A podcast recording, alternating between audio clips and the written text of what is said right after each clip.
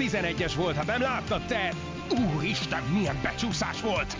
Mi mindennel kapcsolatban lesen vagyunk. Ez a Sport TV és a Nemzeti Sport közös podcastjének újabb része. Sziasztok! Ez a Lesen vagyunk egy újabb adása. Szatillával, Sport TV munkatársával üdvözlünk titeket.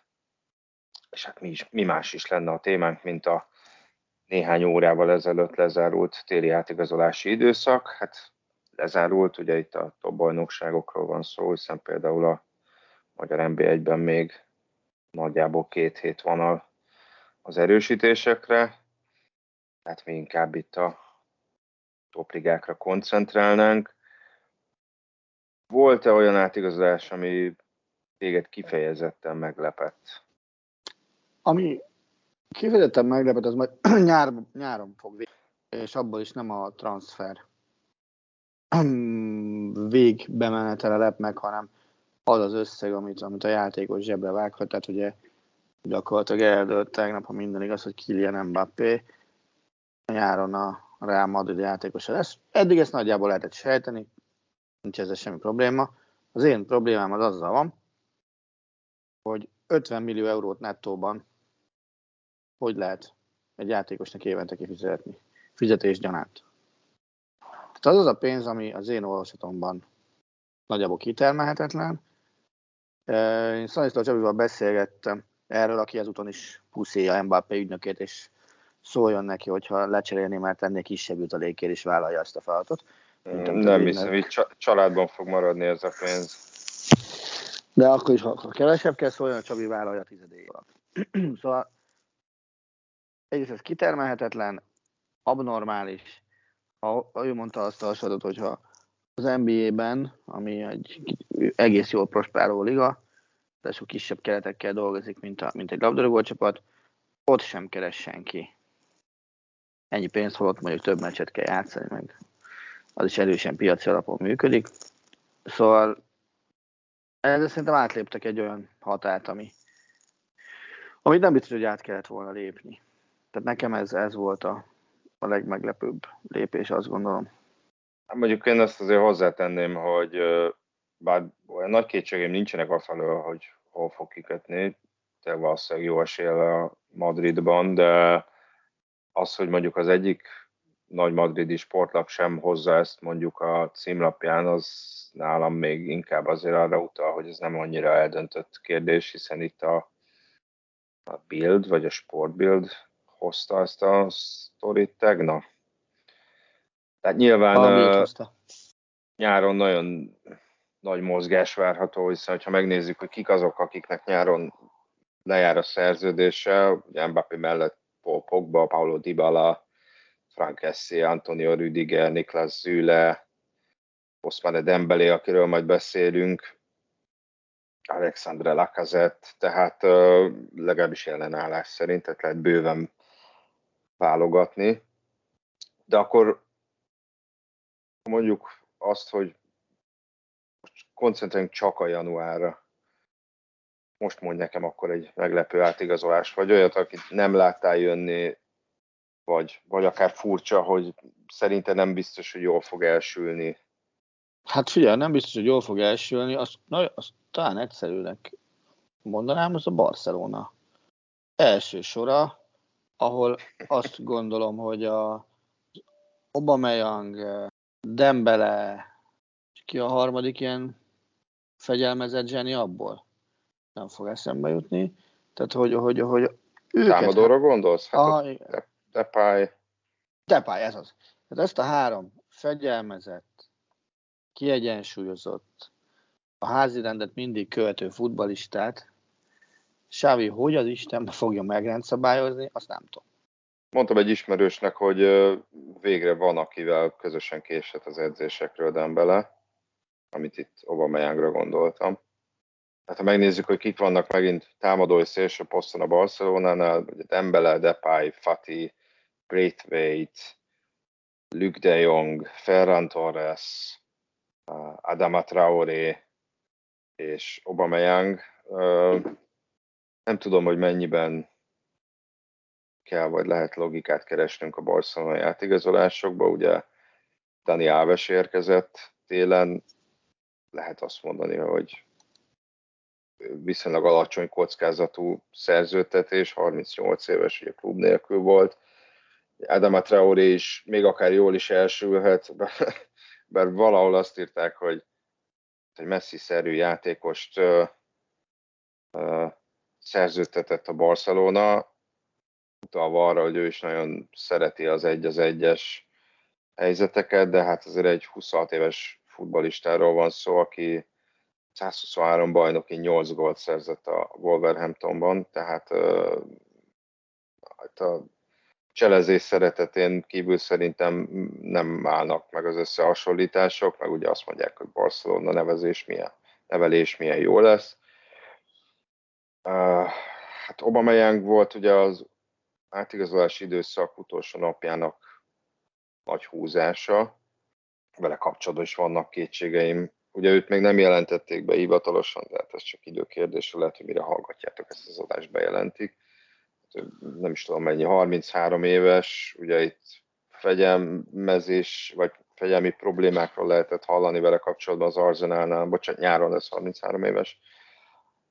Az elmúlt másfél évben mutatott formája sem feltétlenül meggyőző. Mondjuk, hogyha azt nézzük, hogy véletlenül jelentősen lejjebb adott a fizetéséből, ami a heti 300-350 ezer font lehetett, és nem fizetnek érte transferösszeget, lehet azt mondani, hogy gazdaságos, de, de én jó esetben jó fél évet látok ebben, a, ebben az erősítésben, többet nem nagyon. Figyelj, nagyon sokat beszéltünk már a Barcelona anyagi helyzetéről. Eladni nagy pénzű játékost nem adtak el. Igazolni sok pénzért igazoltak játékost. Szerezte. Egyet, Ferrától lesz. Igen, pont egyet többet szerintem, mint erkölcsileg indokolt lett volna. Jött nagy fizetésű játékos, legalább egy még pluszba. Ugye nyilván azért Obama bármennyire is mondott le, az tudja, hogy benne van a top 5 kereső játékosba. Barcelonában Miből telt a Barcelonának erre? Én csak Nyilván vétel, vételárakra nem nagyon kellett költeniük. Ugye Ferran Torres 55 millió euróba kerül, de meglepődnék, hogyha ebből már télen bármit is, vagy akár jelentősebb összeget fizettek volna, hanem itt igazából a fizetésekkel lehetett a gond, hogy ezeket engedélyeztessék, hogy regisztrálhassák ezeket a játékosokat a ligánál. Nyilván ebben segített az, hogy Coutinho-t sikerült nagy nehezen elpasszolni az Aston Villának kölcsönbe, illetve hát Aguero sajnálatos visszavonulása. Itt biztos olyan megoldások lehetnek, hogy, hogy itt valahogy tologatják a bérezést, és, és ugye próbáltak olyan ügyleteket kötni, hogy ha jól emlékszem, talán Traorénál sem kötelező a vásárlási opció, bár ebben nem vagyok száz százalékig biztos, és ugye láthattuk, hogy milyen el, elkeseredetten próbálták Oszmane Dembelét elküldeni a klubtól, ami hát nem sikerült. Tehát az önmagában már egy, már egy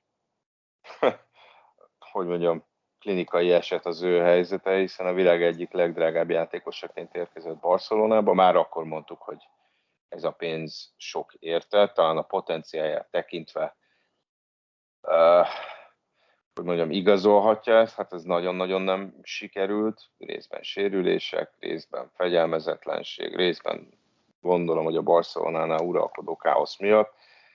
Tehát, ha csak az utolsó hónapokat nézzük, megjelent Laporta, és azt mondta, hogy Oszmán Dembele az jobb játékos, mint Kylian Mbappé, amit hát azt hiszem a sajtótájékoztatón Ilyenkor sem... azt mondani, hogy talán nem kéne többet inni. Vagy én is kérek hát, ebből, az, ebből az ilyen látomá, látomásokból. Na igen, de érted, a klubának azt mondja egy játékos, hogy jobbnak tartja, mint Kylian Mbappét, és egy hónappal később arról szól, hogy na most vagy elmész, vagy nem játszol fél évig. És, és, hát, és hát az egésznek a korképe az, hogy, hogy igazából Dembele nem kellett senkinek. Igen, talán, és a Barcelona talán, talán, maradt. Talán Román Twitter oldalán volt az, hogy akit kapcsolatba hoztak Dembelével, azok közül talán a Paris Saint-Germain volt az egyetlen, amelyik legalább tárgyalásig eljutott, az összes többi az a not interested, vagy pedig a, a érdeklődés után azonnal elhúzok kategóriába került.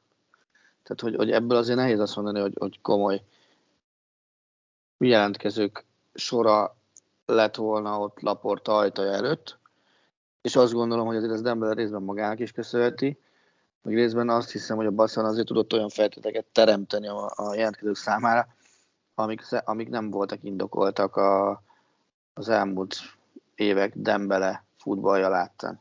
Hát amellett, hogy én gyanítom, vagy legalábbis nem tudom, hogy a logika nekem az diktálná, hogy ő Dembele kapcsol, Dembelével kapcsolatban, mivel lejár a szerződése nyáron, itt igazából nem volt szó nagyobb transferösszegről, hanem a fizetési, a bérköltségétől akartak szabadulni mindenáron. Azt hiszem, hogy ilyen 20 millió euró körül kereshet. Hát az meg a részéről lenne elég nagy illúzió, hogyha ezt úgy gondolna, hogy ez bármilyen klub megadja neki a, a jegyzett bajnokságokban, mert nem, ne, egész egyszerűen nem hiszem el, hogy ekkora fizetést ajánlanának neki, és hogyha a nyáron erre számít, szerintem akkor is, akkor is csalódnia kell. De aztán lehet, hogy, lehet, hogy a Dembeléjék részéről ez a, ez a, ez a fő stratégia, hogy fél évre se akartak elmenni kevesebb pénzért, és és majd nyáron válogathatnak a jobbnál jobb ajánlatok között. Ugye itt a Barca próbált is vele hosszabbítani, tehát ez még nagyobb hülyeségé teszi ezt az egészet, hogy próbáltak hosszabbítani, nem tudtak megegyezni, ott is lehet, hogy, hogy valami bolond összeget kértek, de, de ez a történet nagyjából, nagyjából lezárult, mármint olyan szempontból, hogy Dembele és a Barcelona házassága, most itt filóznak, hogy esetleg szerződést bontsanak vele, de, de tehát azzal pénzügyileg nem lesznek feljebb most már. És hogyha megnézzük a Barcelona történetek legdrágább átigazolásait, akik mind 100 millió euró fölötti vételáruk volt, Griezmann, Dembele, Coutinho, hát mind a három tragikusan rossz volt, és ez megint a Bartomeu érának a, egyfajta öröksége, amellett, hogy a jelek szerint Laportáig sem kezelték jól ezt a helyzetet, tehát három ekkora igazolást ennyire elszúrni, én nem is tudom, hogy a, a neked jut eszedbe a top futballba ilyesfajta uh, történés, hogy, hogy durván két-három éven belül három ilyen léptékű erősítést elcseszni? Hát ilyen léptékűt nem is lehet elcseszni, hiszen a Barcelona az egyetlen klub, amelyik ennyi pénzt fizetett 100 milliós játék, tehát három darab 100 milliós játékos rajtuk kívül senki nem vásárolt, amennyire én tudom, csak biztos, hogy nem, nem vett három darab 100 milliós játékos. Biztos, most, nem, de nem kell 100 milliósra gondolni, de én nem nagyon emlékszem. Nem, én, a, én azt tudom, hogy a 100 milliót azért hoztam el uh, példának, mert uh, amikor írtam hozzátok egy cikket a Nemzeti Sportba, abban írogattam azt, hogy a világon 11 olyan futbalista van, akiért bizonyítottan 100 millió eurót legalább kifizettek. És azért ebből a top 10-ből vagy 11-ből a többség azon az állomás helyen, ahol kifizettek érte azt az irgalmatlan összeget, az legalábbis csalódást okozott, vagy nem azt hozta, amit vártak tőle. Tehát ugye az a lista az úgy nézett ki, hogy Rajta van Neymar, Mbappé, João Félix, Coutinho a Liverpool Barca transferével, Griezmann az Atlético Barca transferrel, Grealish, Lukaku az Inter Chelsea-vel, Dembele, eh, Pogba, Ronaldo és Azár talán. Ugye Bélnél ez a 100 millió, ez, ez ilyen necces, mert az, az vannak olyan fasok, amik 100 milliót vannak, amit keresel. Most ezen játékosok közül, ugye aki egyértelműen bevált az Mbappé, őt szerintem azon kár is vitatkozni, azt hiszem. Na de még Ronaldo, Juvent, hiába volt Ronaldo egyébként valóban jó Juventusban, amiért oda vitték, azt ő nem tudta hozni. Azárt azt ne is reklámozzuk, hogy mit művel a Real Madridban, mert szerintem lehet, hogy több kilót hízott, mint hány gólt szerzett, kis túlzással. Ugye Denverét említetted, Pogba Manchester Unitedben. Nem biztos, hogy tudja most, hogy merre van az előre. Griezmann már nincs a Barszánál, Coutinho már nincs a Barszánál, ahogy említetted. Dembele hát ott van, ott van, még ott minek? Van, de... Félix közepesen állt bele a földbe az Atlético Madridnál, és Neymar sem vitte oda a BL győzelmet a Paris Saint-Germainbe. Grillist, Lukakut meg, meg talán még korai értékelni. Tehát, hogy, hogy szerintem az, hogy kiért mennyi pénzt fizetnek ki, az együtt jár egy olyan hát pszichés teherre mondhatjuk is, a, mondhatjuk, amit, amit nem, nem tudnak sokan nem feldolgozni. Nem fizettek értem még 100 millió eurót. Én nem fogok érted fizetni, ezt most megmondom. Azt, azt kérdezd meg a főszerkesztőt, hogy fizet neked annyit, vagy fizet érted annyit, hogyha el akarsz igazolni máshova.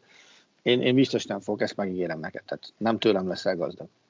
Mondjuk egyébként nekem ez, ez egy heppem, hogy szerintem Griezmann nem feltétlenül azért nem vált be. Ő ugye ő is papíron még Barcelona játékos, belőle láthatnak talán valami 40-45 milliós eurós, az a talán kötelező kivásárlási ár, amit az Atletikónak fizetnie kell jövő nyáron, hogy szerintem ott, ott ő, ő rosszkor érkezett a Barcelonába, és szerintem nem adtak neki elég időt.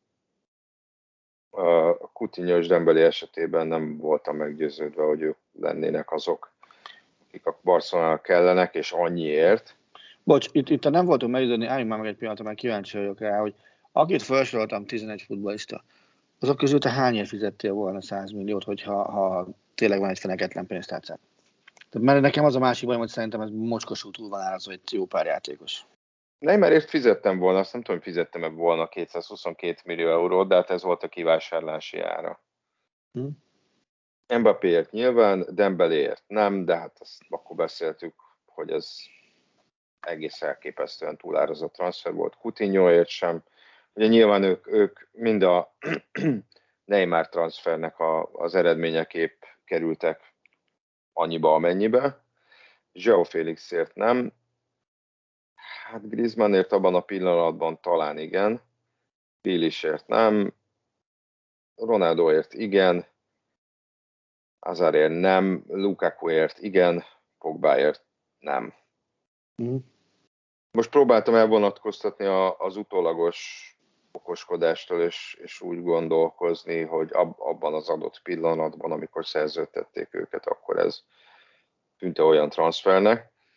De most visszakanyarodva megint kicsit itt a, a térre, akkor ennek fényében, amiről beszéltünk korábban, nem tekinthető különösebben meglepőnek, hogy mondjuk az Atletico Madrid vagy a Real Madrid nem volt aktív ezen az átigazolási piacon, sőt a Real Madrid olyannyira nem, hogy oda nem érkezett senki. Mm, ez így van. De ugye azért, hogyha megnézed azt, hogy Real Madrid, azért még van jó pár olyan uh, BL csapat, amelyik nem erősített, pár meg olyan, amelyik inkább hosszú távú gondolkodással erősített, és nem, nem lyukokat próbált meg toldozni, fordozni, mint a Barcelona. Tehát ha, ha úgy kérdezted volna egyébként az elején, hogy ki volt, aki nekem kifejezetten tetszett igazolás, akkor nagyon nagy ö, gondban lennék, hogy, hogy kit mondjak, de akkor talán, talán a Liverpool kolumbiai kiváló, kiváló mhm. igazolását mondanám első körbe, hogy, hogy az lepett meg, és az mutatja, hogy egy klasszikus, vagy klassz, inkább a klassz futballvállalkozásnál mennyire és, és hogyan kell előre gondolkodni. Még akkor is, hogyha Liverpool volt aztán az, amelyik a, az egyik legrőhelyesebb végjátékot hozta, ugye, amikor a Fabio Carvalho átigazolása meg nem jött össze, mert uh, annyira elcsúsztak időben, hogy, hogy, hogy nem sikerült rendezni a papírmunkát, úgyhogy most ki kell találni valami új konstrukciót a nyárra. Ugye Luis Diaz azért is érdekes, mert én hiszek Kloppnak, amikor azt mondja, hogy télen is csak olyan játékost igazolnak, akit nyáron is szerződtetnének, és azért van benne logika is. Azt mondom, hogy persze nem, nem kevés, 50 millió euró körüli összegről beszélünk, ha jól emlékszem, hogy egy olyan játékosról van szó, aki hosszú távon tagja lehet a Liverpoolnak. Szerintem ez előrevetítheti, hogy lehet, hogy nyáron akár Sadio Mané mm. távozik, és ebben a fél évben talán viszonylag nagyobb tét nélkül be lehet építeni Diászt a csapatba, és aztán már úgy vág neki az alapozásnak, hogy eltöltött pár hónapot a Liverpoolnál, nem is feltétlenül mondjuk most a tavasz szempontjából tűnik ez egy, ez egy kifejezetten jó átigazolásnak, hanem, hanem úgy összességében. Mm. De visszatérve a Reálra, szerintem ott is nyilván a hosszú távú gondolkodás van, hogy akkor, hogyha ez a nettó 50 millió euró, vagy akár azt megközelítő összeg, mert itt azért biztos, hogy lesz egy jó kis zsíros aláíráspénz is, ahhoz nyilván nagyon figyelni kell azért az erőforrásokra. Igen. És, és ha a spanyol bajnokságot nézzük, jó, persze mindössze négy pont az előny a Sevillával szemben, de azt nem mondanám, hogy olyan különösebb indoka lett volna a Reálnak, hogy, hogy nagyobb összeget fizessen bárkiért, és akkor már inkább az Atletico Madrid, akik igazolt egy balhátvédet, meg igazolt, igazolt a Daniel Vasta, a, honnan jött ön? Valencia. Valenciától, igen. Szóval ebben volt logika, ugye voltak, volt még egy-két olyan klub, például a Manchester United, amelyik nem erősített, uh, próbáltak ott inkább ugye egy-két játékostól megszabadulni, akár kölcsönbe, akár végleg, bár azt hiszem... Hát, de a leg, legdurvább megszabadulás az így is a Manchester produkálta, bár ott inkább a rendőrség hozta össze a megszabadulást. Hát igen. igen ugye. De ha térjünk vissza a végén Mason Greenwood esetére.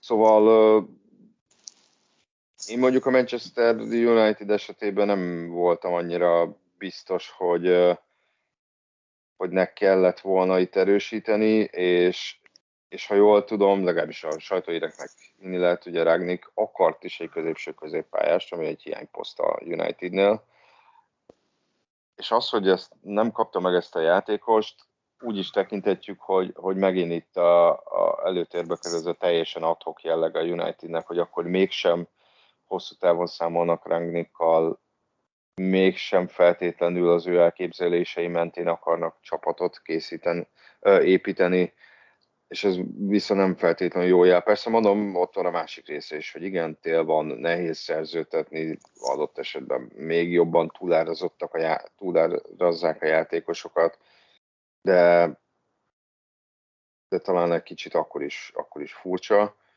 Miközben ugye azért voltak más angol klubok, amelyek nagyon aktívak voltak, hát itt ugye nagyon sokan figyeltek a Newcastle-re, amely, hát nem is tudom, euróba talán ilyen 100 millió környékén költöttek, hogyha minden igaz. Igen, de sztárjátékos, ezt hányat vettek szerint? Hát sztárjátékos egyet sem, de vettek jó játékosokat, tehát azt mondom, hogy hogy mondjuk Bruno Gimares, vagy Kieran Trippier, ők Premier League szinten a posztjukon szerintem kiemelkedő játékosnak számítanak. Nyilván hmm. Gimaresnél nem tudjuk, hogy mennyire válik majd be a Premier League-be, és ugye ott van Chris Wood a Burnley-ből, aki a Burnley-ben egy viszonylag bizonyított gólszerző volt, jött még kölcsönbe Matt Target bal hátvédnek, és ugye Dan Burn a Brighton-tól a védelem közepére. Mm. Nyilván nehéz egy olyan, olyan esetben sztárokat igazolni, vagy, vagy nagyobb neveket, amikor egy olyan csapat vagy, amelyről még nem dölt el, hogy most kiesik-e az idény végén, vagy sem. Ja. Téged... És itt még Jesse Lingardot piszkálták nagyon, és neki úgy tudom, hogy plusz pénzt is fizettek volna a Unitednek, hogyha bennmarad a, a Newcastle, de, de a United pont Lingard esetében, akinek szintén lejár majd nyáron a szerződése, valamilyen nem akarták erőltetni a távozását. Azt még, azt még meg is értem, hogy mondjuk a West Hamhez nem engedték el, aki a BL indulást tekintve bármilyen szürreálisan is hangzik, a közvetlen ellenfele a Unitednek, de hát szerencsétlen 88 percet játszott a szezonban a Premier League-be, így is ott tartották, nem tudom, hogy mennyire, valószínűleg nem boldog, és, és meglepődnék, hogyha sokkal többet játszana az idény hátralévő részében. Tegnap neked kinek az átigazolásának az elmaradása jelentette a legnagyobb meglepetést? Hát, hogy az említett opciók miatt, mindenféle bónuszok, meg egyebek miatt azt hittem, hogy Lingardot el fogja engedni a, a United.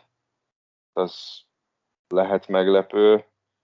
Hát jó kérdés. Én, én azt hittem, azt hittem hogy, hogy Dembelébe azért talán lát valaki annyi fantáziát, bár, bár igazából még azt is megértem, hogy, hogy annyira nem, de, de de ő volt az, akinél úgy voltam vele, még este tízkor is, is úgy voltam vele, hogy hát, ha jön valami nagy fordulat, és, és sikerül klubot váltania. Hm? A... Más, más nem annyira, mert azért azért látszódott, hogy sok csapat szabadulni akar játékosoktól. És, és, és az esetek többségében sikerült is kidolgozni valami féle konstrukciót, amivel, amivel végül is ez sikerült.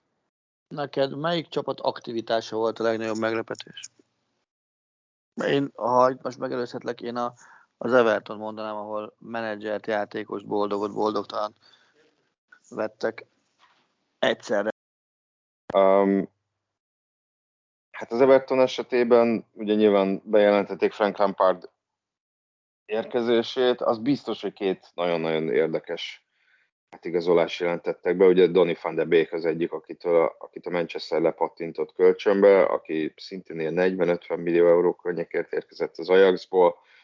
Valamiért senki nem találta meg, vagy akarta megtalálni a, a helyét, miközben az Ajaxos évei azt bizonyították, hogy sokkal, de sokkal több van benne, és ugye a másik, aki meg szintén már egy ideje adós a jó teljesítménnyel, az Dele Alli, ami szintén uh, rejt magában potenciált ez a szerződtetés, de hát az Everton kapcsán, meg Lampard kapcsán is vannak kétségeim. Az Everton azért egy elég szépen rendesen félremenedzselt klub, ugye szépen kitakarított rajta a Benitez a, nem tudom, az vezető scoutot lecserélte, a sportigazgatót, a mit tudom én kit, aztán utána meg Benitezt kirúgták. Ugye Lampard miatt elég sok a kérdőjel, a Lampard Chelsea időszaka miatt, amit hát azért még inkább kontrasztossá tett, hogy Tuchel mit csinált a Chelsea-vel még abban a szezonban, ahol Lampardot kirúgták. Úgyhogy rájuk mindenképpen nagyon kíváncsi leszek. Akikre szintén vártam, és hát ott is nagy mozgás volt, az a Tatanem, a, aki, vagy amelynek kapcsán ugye például a Dematraurét is felvetették, és nagyon úgy tűnt, hogy sok játékosról, vagy több játékosról, ugye Luis Diaz-t is uh, velük hozták szóba, lemaradtak, mert, mert valaki elhapolt az or- orruk elől.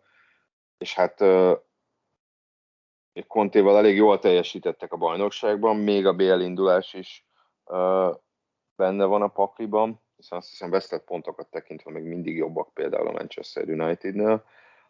Tehát hogy azért Conte az az edző, aki, aki nyilvánosan is elmondja szépen, hogy ő, őnek játékigazolásokra van szüksége, és, és, és lehet, hogy voltak olyan időszakok a Chelsea-ben, meg az Interben, amikor a, ezt nyavajgásnak éreztem egy kicsit, de most abszolút szerintem igaza van abban, hogy, hogy ezt a tetenemet meg kell erősíteni, Szerinted sikerült úgy, ahogy azt ő szerette volna? Nem vagyok biztos benne, hogy van olyan edző, aki valaha is azt mondja, hogy minden álmom valóra vált egy átvezási időszakban. És, és nem tudom megmondani, hogy miért, de, de valamilyen elégedetlenséget mindig találnak, mert hogyha egyszer azt hogy mindenkit megkaptam, és minden rendben van, akkor onnantól kezdve rajta ott van az, hogy teljesíteni kell, és akkor nem tud hagyni magának menekülő útonat, és nem tudja, nem tudja kirefogni azt, hogy, hogy, hogy mi a bánatos fene történt és, és talán ezért nem. De azt gondolnám, hogy, hogy Konténak most nem lehet kifogása, és, és az ő kezében van annak a sors, hogy a csapattal bejut a BL-be, vagy sem. Mert szerintem ez a, keret, ez a jelenlegi keret, ez inkább negyedik, mint nem negyedik Angliába. Nyilván az első hármat hagyjuk.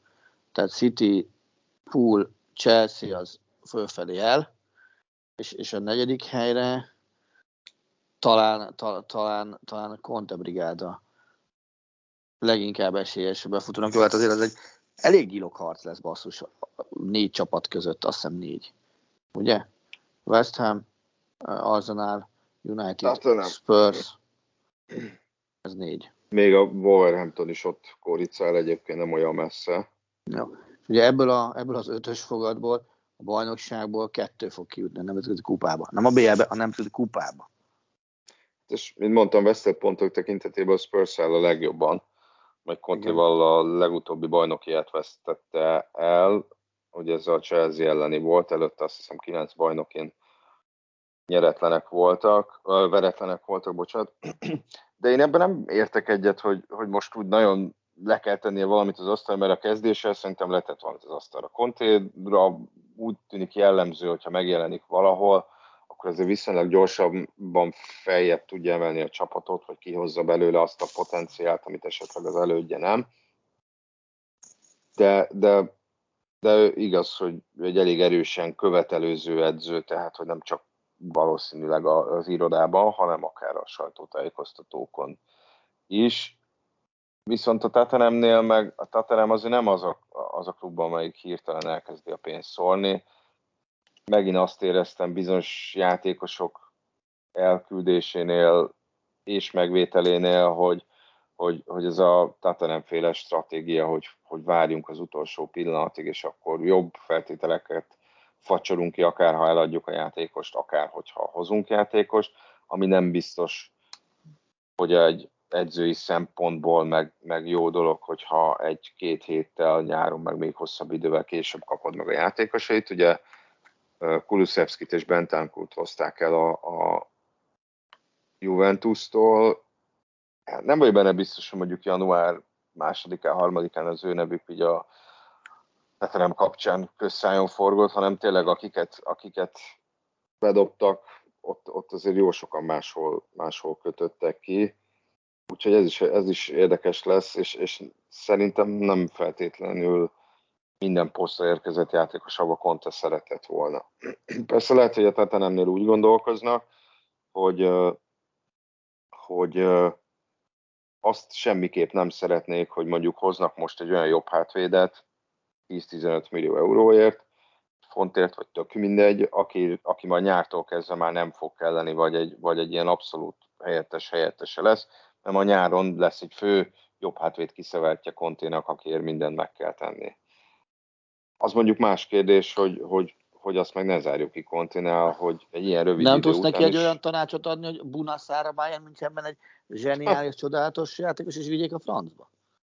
Nem igazán, de, de azt el tudom képzelni, hogy mondjuk Conte azt mondja, hogy na jó, kösz, elég volt, itt nem látom, hogy ez megy valamerre, és és akkor inkább lépek, és akkor ezt megint a Tatarem saját magát lövi lábon, amit egyébként nagyon jól csinált az elmúlt években, akár az átigazolásokat, akár az edzőváltások kezelését tekintve. De azt mondom nekem, ezen nagyon-nagyon sokat gondolkoztam, és, és nem jutottam dőle, hogy miért van az, hogy a csapatok döntő többségének az igazolásban látja a megoldást, és senki sem néz úgy körül, hogy, hogy a házon belülről lentről lehet egy olyan meg, megoldást találni, amit a saját utánpótlásban mondjuk, aki, aki hosszú távon ö, faszalált. És, és ö, mi, mi, miért, miért ennyire atom biztos, hogy pénzköltéssel lehet csak megoldani, vagy miért a pénzköltés az első? Azzal van a kevesebb macera, és az a, az a biztosabb, vagy, vagy mi lehet ennek az oka?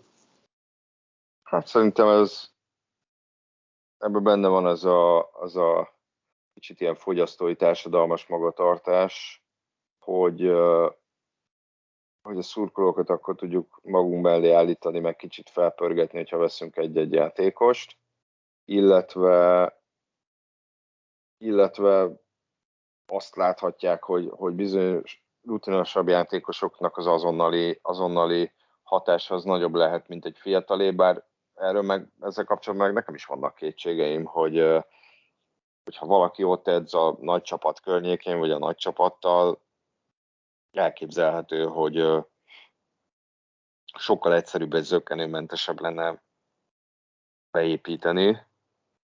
Úgyhogy nem tudom, hogy ez mennyiben szüli a szükség ezeket a téli átigazolásokat a, a utánpótlás terhére, vagy ez mennyire egy ilyen akár rossz beidegződés, vagy, vagy egy kipróbált módszer az edzők számára, hogy inkább, inkább ebben látják az előrelépésnek a, az állogát. De, de közben egyébként meg, meg, meg vannak olyan igazolások, amire lehet, hogy senki nem kapta fel a, a, a fejét, és, és mondhatjuk azt, hogy Brightonnak egy csatár kell, akkor, akkor miért, miért, miért nem hoz fel valakit, de például én nagyon kíváncsi leszek Denis Undavra, akiről sokat mondjuk nem hát, tudok. Hát őre most tavasszal még ne legyél kíváncsi. Úgy visszaadták de... a San Giroának, mint az állat. Tavasszal. Igen, de nagyon kíváncsi leszek, hogy ebből hosszú távon mi lesz. Ugye a San Giroa az hatalmas meglepetésre vezeti a belga bajnokságot. Hát nem is kis előnye ráadásul. Hát ugye, amikor megfelezik a pontszámot, akkor is például azt hiszem 5 pont előnye lenne még így is. Most 9.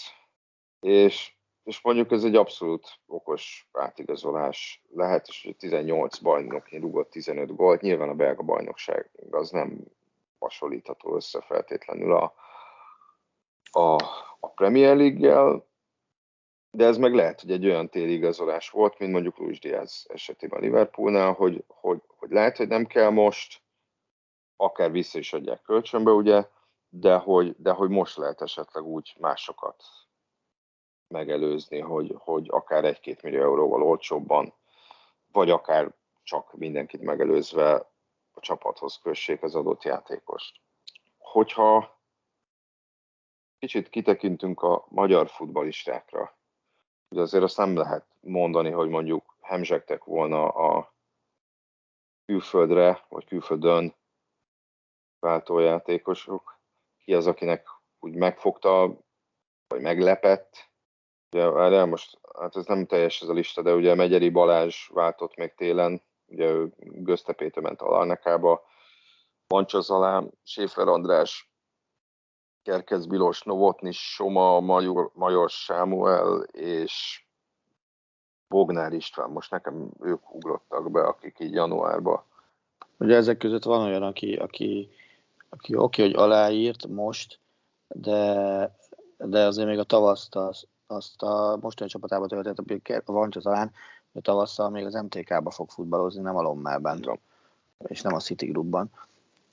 Nyilván Vancsa átigazolása meglepő volt, ezt, ezt készséggel aláírom, mert 17 évesen ennyi pénzért azt gondolom, hogy kevés játékost adnak el.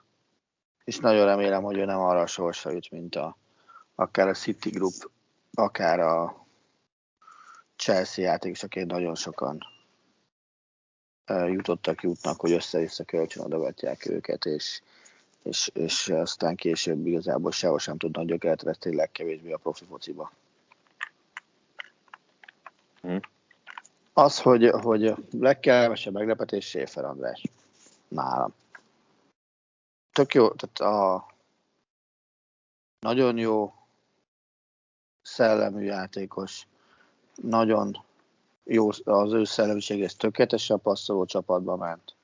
Szerintem az Unión Berlin, hogyha tényleg hosszú távú projektként gondolkozik benne, akkor vele jót húzhatott. Neki már van tapasztalata top bajnokságból, még ha nem is feltétlenül szerencsés, de tudja, hogy miben, szerintem így most már tudja, hogy miben kell türelmesebbnek lenni, még mi azonban változtatni kell, hogyha az a cél, hogy Olaszország esetében Németországban megállja a helyét. És az Unión Berlinben az is jó, hogy olyan irgalmatlan jellegű eredménykényszer az nincs. Tehát nem az, hogy nekünk muszáj bejutni a, a BL-be vagy az Európa Ligába, kb. annyi a fő feladat, hogy atom biztosan maradjanak bent az első osztályba, előzzék meg a hertát, ha meg van jó eredmény, akkor tök jó. Ez, ez pont azzal tudom összehasonlítani, mint amikor uh, ugye Máté Dominik az egyik legjobb magyar kézabdázó, elment uh, az Elverum norvég csapatban, ugye két évet játszott, játszik ott, ott megtanították arra, hogy el lehet vállalni a feladatokat, el kell vállalni a feladatokat, nem véletlenül lesz egy által a Paris Saint-Germain játékosa. És uh, az meglepette, Szalai Attila nem váltott klubot, vagy, vagy vele kapcsolatban úgy érezted, hogy ennek a, az egész futbáltásos történetnek most még nagyobb volt a füstje, mint a lángja? Én azt gondolom, hogy ott, hogy ott a legfontosabb probléma az az volt, hogy sose tudtad, hogy ki mikor ír igazat, és ki mikor ír érdekből valamilyen cikket. Ír vagy irat érdekből valamilyen cikket. És én az, azt hiszem, hogy, hogy ő most még jó helyen van. És lássuk be, hogy nem biztos, hogy például az lett volna a nyerő, taktika, hogy elmenjen elég magas átigazás összegért cserébe a Newcastle Unitedba, és, és lehet, hogy kiessen a Championshipbe, mert annál jobb helyre is mehet a nyáron adott esetben, mint az angol másodosztály. Persze, tör... mindenképpen, és, és hát az nagyon sok zaj az Törökország felől érkezett. Igen. A többi hírt meg szerintem beáraszta azt, hogy, hogy kikit választott helyette. Tehát azért Nápolival hírba hozták, ugye, ha jól emlékszem, a Nápoli szerzett magának középhátvédet. A, ugye a Newcastle-ről beszéltünk, a szerzett magának középhátvédet. Tehát nem vagyok biztos benne, hogy ezek az érdeklődések komolyak voltak, sokkal inkább ilyen árfelhajtó szerepet voltak hivatottak betölteni. Ami hosszú távon lehet, hogy jó, de, de azért elsősorban nem a játékos, hanem, hanem talán a menedzsment érdekeit szolgálja leginkább.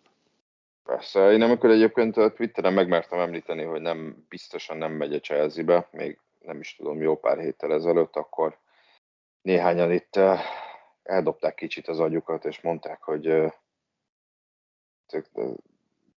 honnan veszem én ezt az egészet, és hogy majd ők akkor hiszik el, amikor ezt Fabrizio Romano is kijelenti. Nem kellett ugye azt megvárniuk, mert, nem kötött ki a Chelsea-be, de, de, de ugye az ő példája is mutatja, hogy nagyon sok játékos esetében nagyon nagy a, a háttérzaj, és nagyon erős forrás kritikával kell uh, viszonyulnunk minden hírhez, és meg úgyis könnyen lyukra lehet futni. De én is egyetértek ezzel, és, és uh, egy török ismerős egyébként mondta már szintén jó pár héttel ezelőtt, hogy ő sem feltétlenül tudja, hogy honnan jön mindez, mert ő is úgy van, úgy tudja, hogy, hogy a Fenerbahce még itt az idény végéig azért megtartaná őt, és, és, és valóban jobb lenne szerintem neki is, hogyha nyáron váltana, hogyha vált egyébként. Hát a bajnoki címre mondjuk esély, esélyük már, már nincsen, de hát azért a dobogóra még, még, még simán felkapaszkodhatnak. Ez szép lesz, most, szép lesz most ez a török bajnokság a, a végén, hogy három nagyból egy lesz a dobogon minden bizonyal. Tekintve, hogy Galatasaray 15 nem hiszem, hogy ők lennének azok, ugye vagy a Fener, vagy a Besiktas. Igen, és, hát, és ugye a Trabzon meg a, a Konyaspor a második talán, Igen. Közé elég, eléggé elléptek a mezőnytől, ami főleg ott ugye a Trabzonra igaz. Tehát a Trabzon ezt a bajnoki címet már nem kell, hogy megnyerje, elég, ha elveszíti. Az már nagyon bravúr. Visszatérve az átigazolásokra, mert lassan időnk végéhez érünk, ugye még a rekord átigazolásról azért nem beszéltünk, Dusan Vlahovic Juventusba ment, körülbelül 80 millió körüli összegért. Mm. Uh, hogyha van átigazolás, aminél fel kell tennünk, hogy megérje, ez biztos, hogy azok közé tartozik. Ez ugye minden idők harmadik leglegább téli átigazolása, csak Van Dijk és Coutinho uh, előzi meg. Van Dijkra ugye szerintem mondhatjuk azt, hogy minden fillért megért. Yes. Amiben azért sokan nem voltak biztosak akkor Beleért, télen. Mondjuk magamat is, mert ugye még a Groningeni korszakából emlékszem, és nekem nem, nem tűnt egy, egy hiperklasszis védőnek. És, és ugye Coutinho a legdrágább téli átigazolás, ezt már átbeszéltük, sikerként nem tudjuk elkönyvelni. Kudarcként igen. Így van. Akkor Vlahovicsot hova tudjuk tenni ezen a spektrumon? Nyilván nagyon nehéz itt előre okoskodni, de, de hova tennéd? Szerintem Siker lesz, vagy kudarc? Én, én a sikerre voksolnék. Nem vagyok egy orbitális Juventus szurkoló a félreértések elkerülése véget, de, de valahogy örültem neki, hogy, hogy nem, nem a pénzhegyeket választotta, és nem ment el Angliába, ahol biztos vagyok benne, hogy, hogy jobb kondíciókkal tudott volna aláírni egy szerződést, mint, mint a Juventusnál. De azt gondolom, hogy a Juventusnak egy ilyen típusú játékosra, mint Vlahovic, arra baromira nagy szüksége van, és, és kell valaki olyan a, a Ronaldo éle, élet követő időszakban, akire azt lehet mondani, hogy na, ez a csávó szezononként tud legalább 20 gólt. ha a Fiorentinába tudta ezt hozni, akkor sokkal jobb kiszolgáló személyzetben is, kiszolgáló személyzettel is tudnia kellene ezt hozni, még akkor is, hogyha a Juve játék azért nem lesz annyira Vlaovic központú, mint amennyire a Fiorentinái az volt. De ettől még tartom azt, hogy, hogy ennek, ennek inkább sikertörténet szaga van, mint bukás. Uh-huh. sokan azt hozzák föl, hát nem is ellenvéleményként, hanem figyelmeztetésként, hogy Dusan Vlahovic az elég jelentősen túl teljesíti az XG-jét ebben a szezonban. Ez most nagyon leegyszerűsítve azt jelenti, hogy a, az általa kidolgozott helyzetek minőségéhez mérten jóval több gólt szerez, mint amit kellene.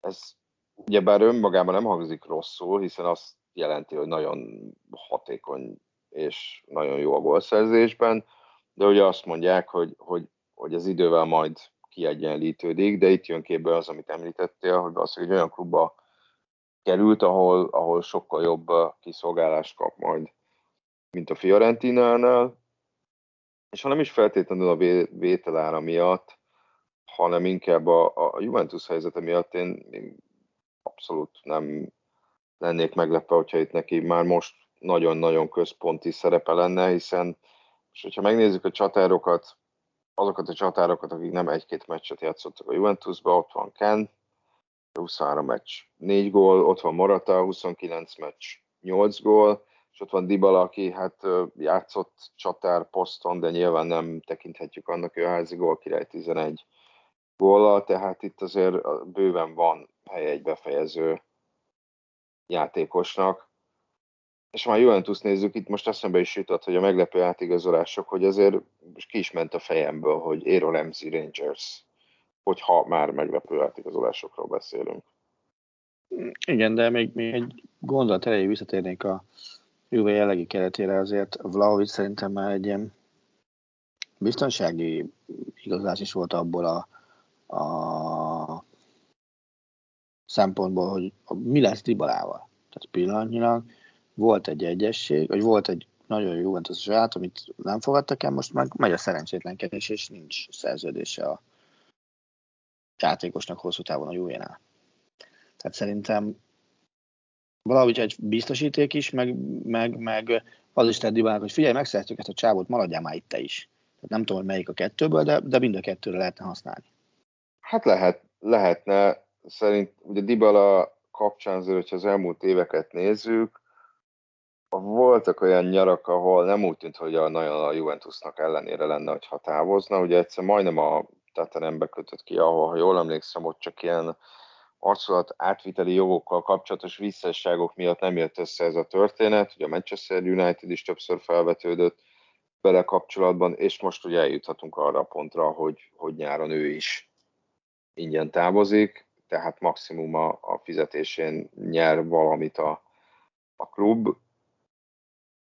Most ez a kérdés, hogy hogyha itt van Vlahovic, aki mondom, az két más felfogású játékosról beszélünk, hogy elindul a Juventus abba az irányba, hogy elkezd egy Dybala nélküli csapatot építeni, és ez, és ez abszolút előfordulhat. A Dybala kapcsán nagyon sokszor lehetett azt hallani, hogy majd köré építik a, a Juventus, majd eljön az ideje, de aztán ez valahogy mégsem, nem is feltétlenül mindig miatta, de például mondjuk Ronaldo érkezése miatt, ez igazából nem nagyon valósult meg. Tehát ugye a legjobb idénye talán az a, az a pont a Ronaldo érkezése előtti volt, ez a 17-18-as, amikor, amikor tényleg egy, egy nagyon-nagyon jó szezon zárt, azt több mint 20 bajnoki gólt rugott, és aztán amikor meg, megjött Ronaldo, akkor, akkor, akkor valamilyen nem működött neki. Nyilván poszt, pozíción kívül is kellett játszania, voltak sérülései, aztán később uh, nagyon sokáig bajlódott a koronavírussal, ha jól emlékszem, hogy azok közé tartozott, ami nagyon ilyen hosszú ideig pozitív lett a tesztje, azért is kellett kihagynia, de hogy, de hogy azt, őt már azért nélkülözhetetlennek talán nem nevezhetjük Torinóban. Ez, ez így van, ez így van nagyjából, igen. Ugyanakkor az, az még érdekelne, hogy a Juventus azért eléggé mozgott télen. Szerinted hova fog odaérni ezen átalakítások után? A bajnoki címet azt azért nem kockáztatnám meg. És most nem azért, mert az Inter olyan sokat erősített volna, hiszen ők kölcsönvették Kajszédot a Genoától, aki nyilván egy sokadik számú támadó lesz, meg Gossens, aki mondjuk egy nagyon jó, aki egyszerre volt egy nagyon jó erősítés, és közben szerintem jelentősen gyengült általa az Atalanta. Hát én azt mondanám, hogy a Juventus akár a második helyre is odaérhet simán. Sőt, még lehet, hogy kicsit meg is szorongathatja az Intert, de, de nem hiszem, hogy az Inter hogy ne az Inter lenne bajnoki lesz szerint. Ugye 16 forduló van hátra, az Inter előnye a Juvéval szemben 11 pont egy meccsel kevesebbet játszol. Mm. Hát igen. Te, miért? Te már a bajnoki címre is? Még a bajnoki Nem, arra biztos nem. Én, én igazából azt, azon gondolkoztam, hogy, hogy kettőbe lehet a Juventus, vagy, vagy, vagy a harmadik hely az, az sikernek idén. Mert uh, lehet, hogy azt mondom, hogy a második hely is megy. Az is egy erőn felüli siker egy ilyen ősz után. Ugyanakkor ilyen erősítések után meg, meg szinte normálisnak kellene, hogy tekintsük. Hát szerintem itt inkább az lesz a kérdés, hogy majd mire mennek a, a bajnokok ligájában, és a bajnokságban meg nyilván onnantól kezdve, hogy most második vagy harmadik, szerintem ez nem egy olyan, persze lehet, hogy Juventus szurkolóknak számít, hogyha nem elsők, de itt inkább a BL indulás szerintem, ami a, ami a fő csapás irány, de ehhez tényleg kell az, hogy Vlahovic uh, meginduljon, mert mondjuk az első tíz helyezettet tekintve csak a Torino szerzett kevesebb gólt a Juventusnál, tehát hogy ez egy elég erős indikátor, hogy, hogy a Juventusnak pont mivel vannak a legnagyobb gondjai jelesül a gólszerzéssel. A BL-ben azért nem olyan rossz a sorsolásuk, azt látni kell, hiszen a, a Villarreal lesz nekik az ellenfelük a 16 között, nem szar dolog, mondjuk így. Hát kaphattak volna nehezebb ellenfelet, hogyha diplomatikusok akarunk lenni. Alapvetően igen, sokkal is. Nem kaptak szerencsére, vagy szerencséjükre. Azért. De hát mindegy, ez van. Nyolc között majd ott jön egy újabb vizsga, bár aztán fel tudják képesek ezek a VL ellen is kiesni. Meg mondjuk a, a, azért a BL csoportjuk sem volt egy olyan elképesztő, vagy jelen, sem jelentett egy olyan elképesztő erőpróbát szerintem, mondjuk ugye 6-ból 5 megnyertek, a Chelsea verte el őket nagyon-nagyon hmm. csúnyán itt az utolsó előtti csoportmeccsen, de otthon megverték a Chelsea-t. Mondjuk azt nem hiszem, hogy, hogy BL-t nyernének, bár teszem hozzá, ugye volt két elveszített döntőjük, egyik szezon sem olyan volt, hogy el tudtam volna képzelni, hogy bejutnak a BL döntőbe. Mm. Hát sikerült nekik. Ja. Na de a mai adásunknak a végére értünk, aztán persze majd hetek, hónapok után majd azt is kiértékelhetjük, vagy láthatjuk, hogy ki az, aki igazából bevált, és hogy mennyire váltak be a mi jóslataink, de majd ez, erről idővel beszélünk jövő héten már, amikor visszajövünk, akkor már inkább a bajnokságok és a mérkőzések lesznek. Középpontban mint sem az átigazolások, ha csak nem történik valami olyasmit valamelyik új szerzeménnyel, amire még vissza kell térnünk.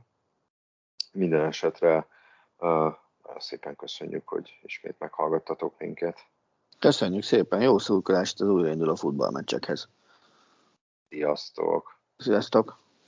A műsor a Béton partnere.